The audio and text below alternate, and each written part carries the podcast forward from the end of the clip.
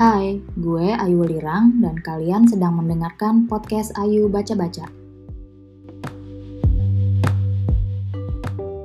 Halo semua, podcast Ayu Baca-Baca kembali lagi nih setelah sempat hiatus sampai episode 6 terakhir itu kan podcast Ayu Baca-Baca bahas seniman kaligrafi terakhir ya tentang seorang Rikat kaligrafi perempuan yang hidup di masa rezim Ataturk. Nah, hari ini podcast Ayu Baca-Baca kembali lagi dan gue akan mereview sebuah novel yang ini menurut gue keren banget ya. Tapi novel ini hanya bisa dibaca melalui platform bernama Cabaca yang logonya itu uh, Gurita. Gurita apa ubur-ubur nih ya? Gurita sih kalau nggak salah platform Cabaca sendiri adalah platform untuk membaca novel digital buatan anak bangsa gitu ya. Menurut gue dari segi aplikasi sih enak banget. Cuma kemarin sempat agak error gitu pas mau login. Cuman kalau secara loading terus penggunaannya di uh, eh, OS Android ini cukup ringan dan bikin gue sendiri lumayan apa ya lumayan lupa waktu gitu pas baca buku-buku di dalam aplikasi Cabaca ini. Nah, kalian mungkin bisa coba untuk mengunduh, mendownload aplikasi ini dari Play Store dan coba login dan baca-baca di sana. Cabaca juga ada sistem baca gratis ya di setiap jam baca nasional atau happy hour.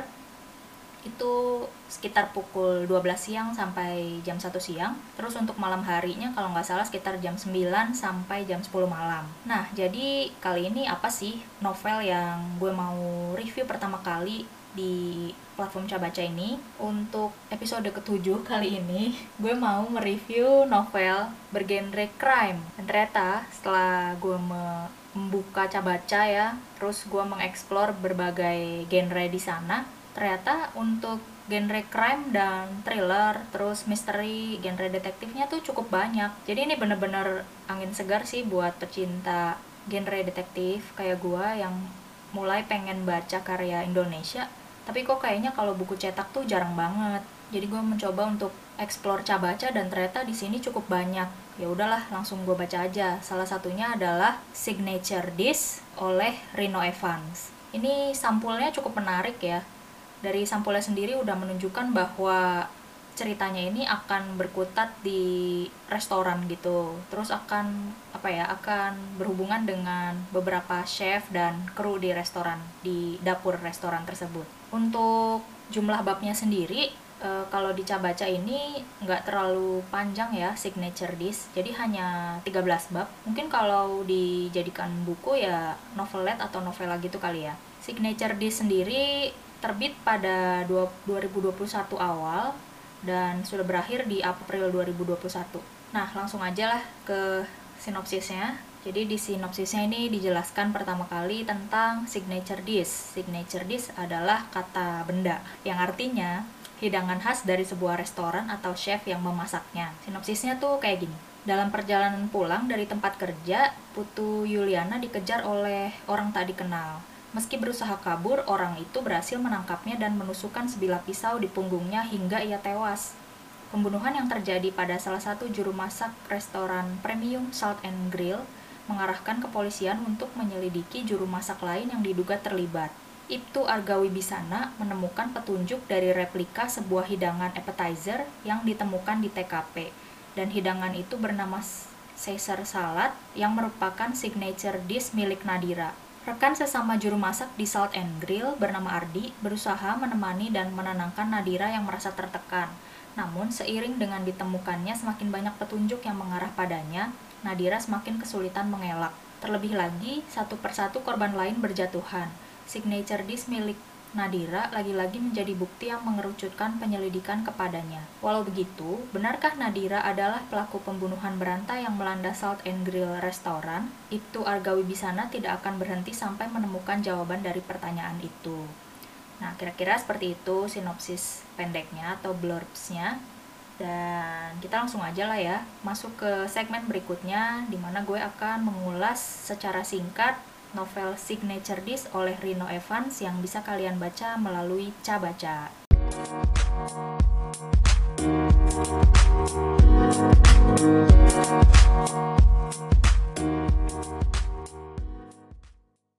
Nah, Signature Disc adalah novel crime yang menurut gue nih bagus eksekusinya dan secara penulisan nih cukup rapi ya. Cuman ini bukan tipe Hudan It yang agak slow gitu, agak lambat alurnya. Tapi menurut gue sih pace-nya ini udah pas banget buat gue pribadi. Meskipun bagi beberapa pecinta murder mystery dan Hudan It atau cerita detektif klasik mungkin akan kurang suka karena pengungkapan misteri di dalam novel ini agaknya kurang adil ya bagi pembaca.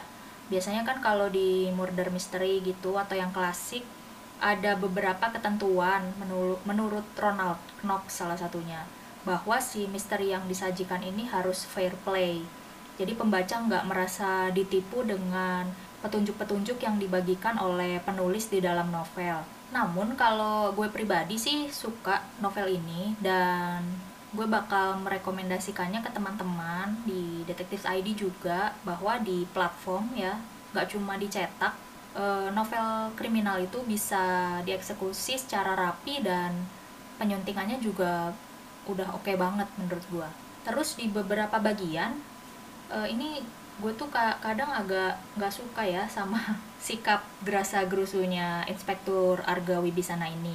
Dia tuh kayak yang suka tiba-tiba berpikir bahwa wah dia nih kayaknya pelakunya. Terus di satu sisi nanti ketemu orang lain ketemu kru lain di dapur itu dia mikir wah jangan-jangan pelakunya dia nih. Jadi dia tuh kayak pelin-pelan gitu. Tapi mungkin ya sikap dia sebagai polisi adalah mencurigai semua orang yang terlibat ya atau orang yang memiliki kontak dekat dengan korban terakhir kali. Meskipun di awal-awal gue membaca bahwa Inspektur Arga ini sikapnya gerasa gerusu gitu, ya buru-buru, tapi setelah membaca sampai akhir, gue rasa sih ya ini hanya semacam pengalihan sikapnya untuk menutupi jati diri aslinya. Jadi dia tuh sebenarnya nggak cuma bekerja sebagai polisi, tapi juga memiliki tugas lain di Bali itu. Oh ya ini ngomong-ngomong signature dish ini settingnya di Bali ya latar tempatnya. Jadi akan berkisar di daerah-daerah yang ramai turis di pinggir-pinggir pantai gitu kayak daerah Seminyak atau Ubud gitu ya. Dan karena restorannya ini cukup terkenal jadi ketika ada kasus pembunuhan di restoran tersebut yang melibatkan kru dapur di restoran tersebut, mau nggak mau ya inspektur arga harus bekerja cepat karena dia ini ditekan sama atasannya juga. Selain inspektur arga gue pribadi malah suka sama tokoh sampingan lainnya. Ada yang namanya Cynthia. Cynthia ini kayak so so chef. Gimana ya bacanya? Dia ini kayak asisten chef lah ya mungkin sebutan mudahnya. Meskipun dia muncul sesekali tapi kadang-kadang kemunculannya ini nggak diduga-duga banget. Terus dia juga kalau muncul nih kadang suka maksudnya dia ngerti aja dia kan chef ya tapi dia tuh ngerti dengan pasal-pasal KUHP ya pasal-pasal pidana gitu. Dia bisa menyebutkannya secara lantang dan ketika dia diinterogasi oleh inspektur arga dia tuh nggak ada takut-takutnya. Ya mungkin ya karena emang dia nggak merasa salah atau dia bukan pembunuhnya ya. Cuman kadang-kadang di beberapa kesempatan gue juga bisa curiga banget sama chef Cynthia. Jadi dia tuh kayak ah jangan-jangan dia nih pelakunya. Terus pelan-pelan pembaca mungkin dibuat terkecoh ya dengan apa yang dilakukan Cynthia di sepanjang novel ini. Jadi menurut gue malah karakterisasi tokoh Cynthia ini yang paling mantap. Sementara itu tokoh utamanya yang bernama Nadira juga sebenarnya dibikin cukup cukup mudah apa ya mudah dipercayalah sama pembaca. Karena tokohnya ini bukan tokoh sempurna yang gimana banget tokoh Nadira ini dibuatnya mudah terguncang, terus memiliki sedikit masalah kecemasan, jadi kayak dia punya sedikit gangguan kecemasan.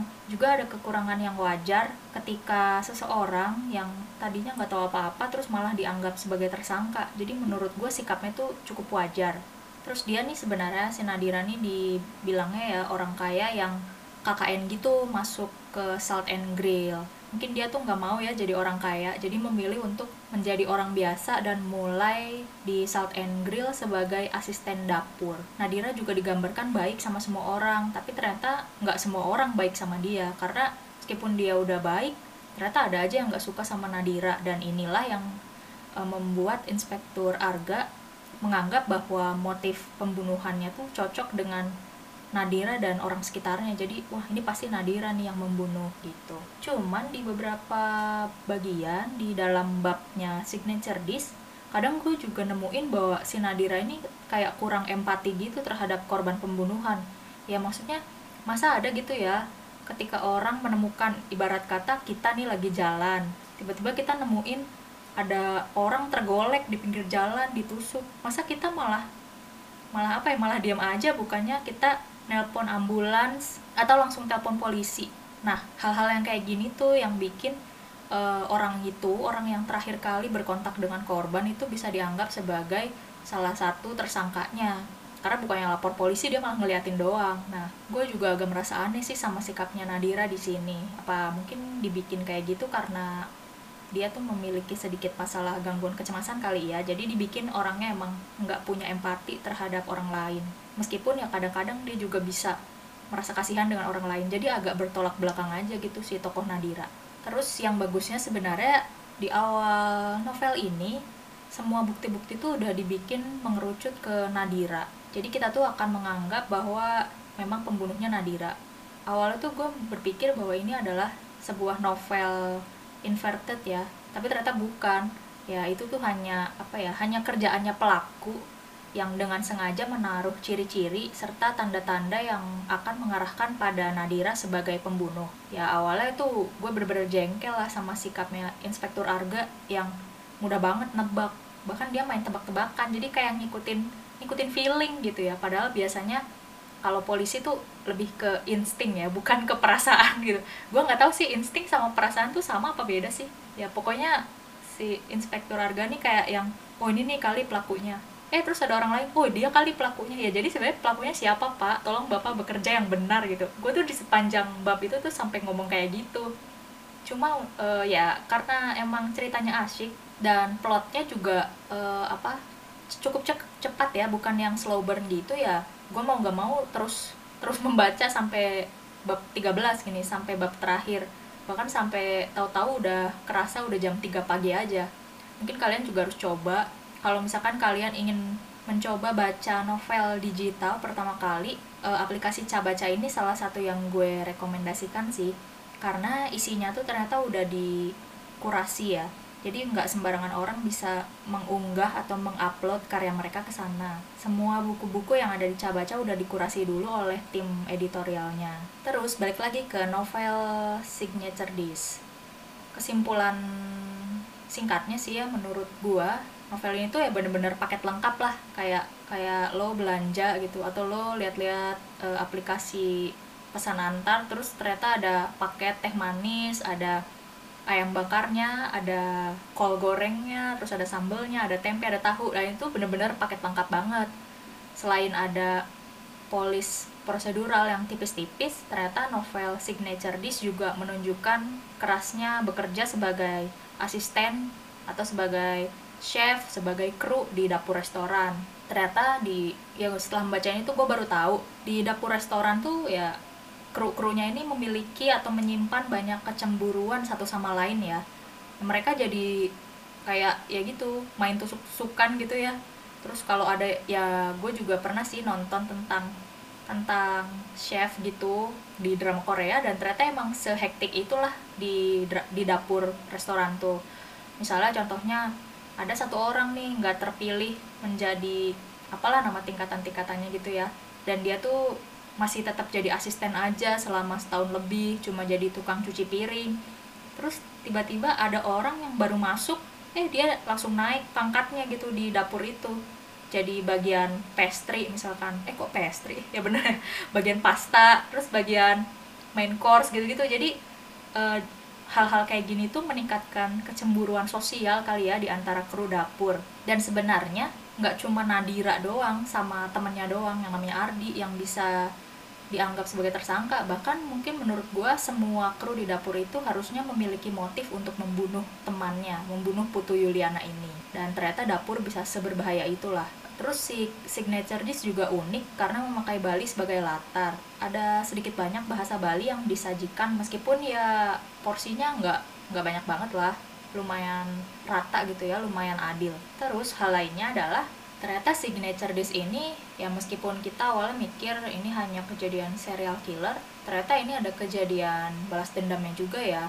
Dan hal ini tuh agak sedikit mematahkan konsep serial killer yang sering ada di uh, apa di true crime gitu. Maksudnya serial killer tuh sebagian besar bukan terdorong karena balas dendam gitu ya tapi lebih ke suatu kondisi yang menyebabkan dia tuh memiliki kecenderungan tertentu untuk membunuh lah ibaratnya kayak gitu. Itu singkatnya. Terlepas dari kekurangan yang ada di dalam novel ini saat melakukan pengungkapan misteri pembunuhan yang agak tidak fair play ya menurut gue pribadi sih novel ini dieksekusi dengan rapi.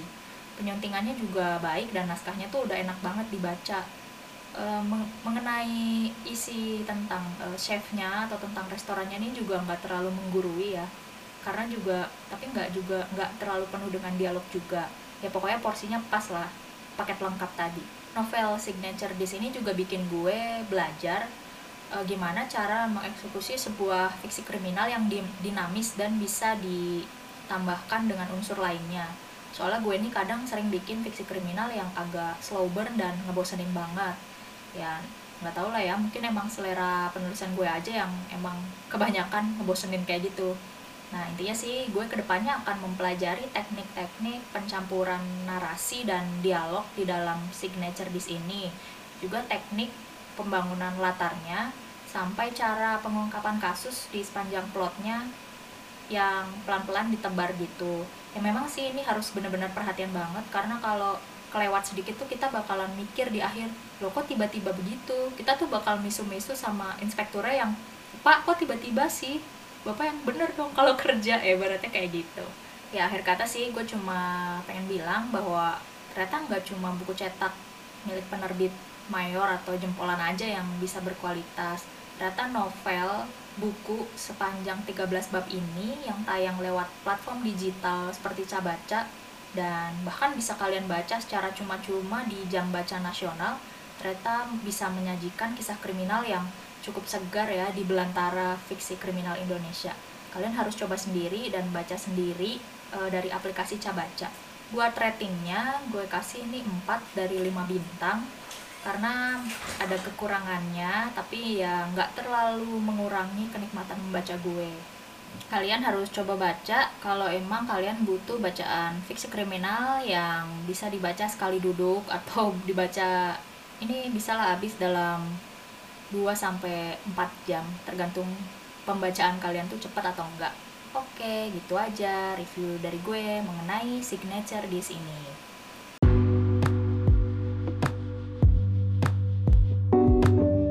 Sebelum pamit, gue mau infokan, jangan lupa mampir ke karyakarsa.com slash ayuwelirang untuk mendukung gue di sana. Kalian bisa membaca proyek terjemahan yang gue kerjakan dengan harga dukungan mulai dari Rp2.000 aja. Podcast Ayu Baca-Baca sudah bisa didengarkan melalui berbagai platform podcast. Jika ada buku menarik yang ingin kalian rekomendasikan atau topik lain yang ingin kalian dengarkan dari podcast ini, kirimkan saran kalian melalui surel halo at ayulirang.com atau lewat Instagram dan Twitter at ayulirang. Terima kasih sudah mendengarkan podcast Ayu Baca-Baca. Bye-bye!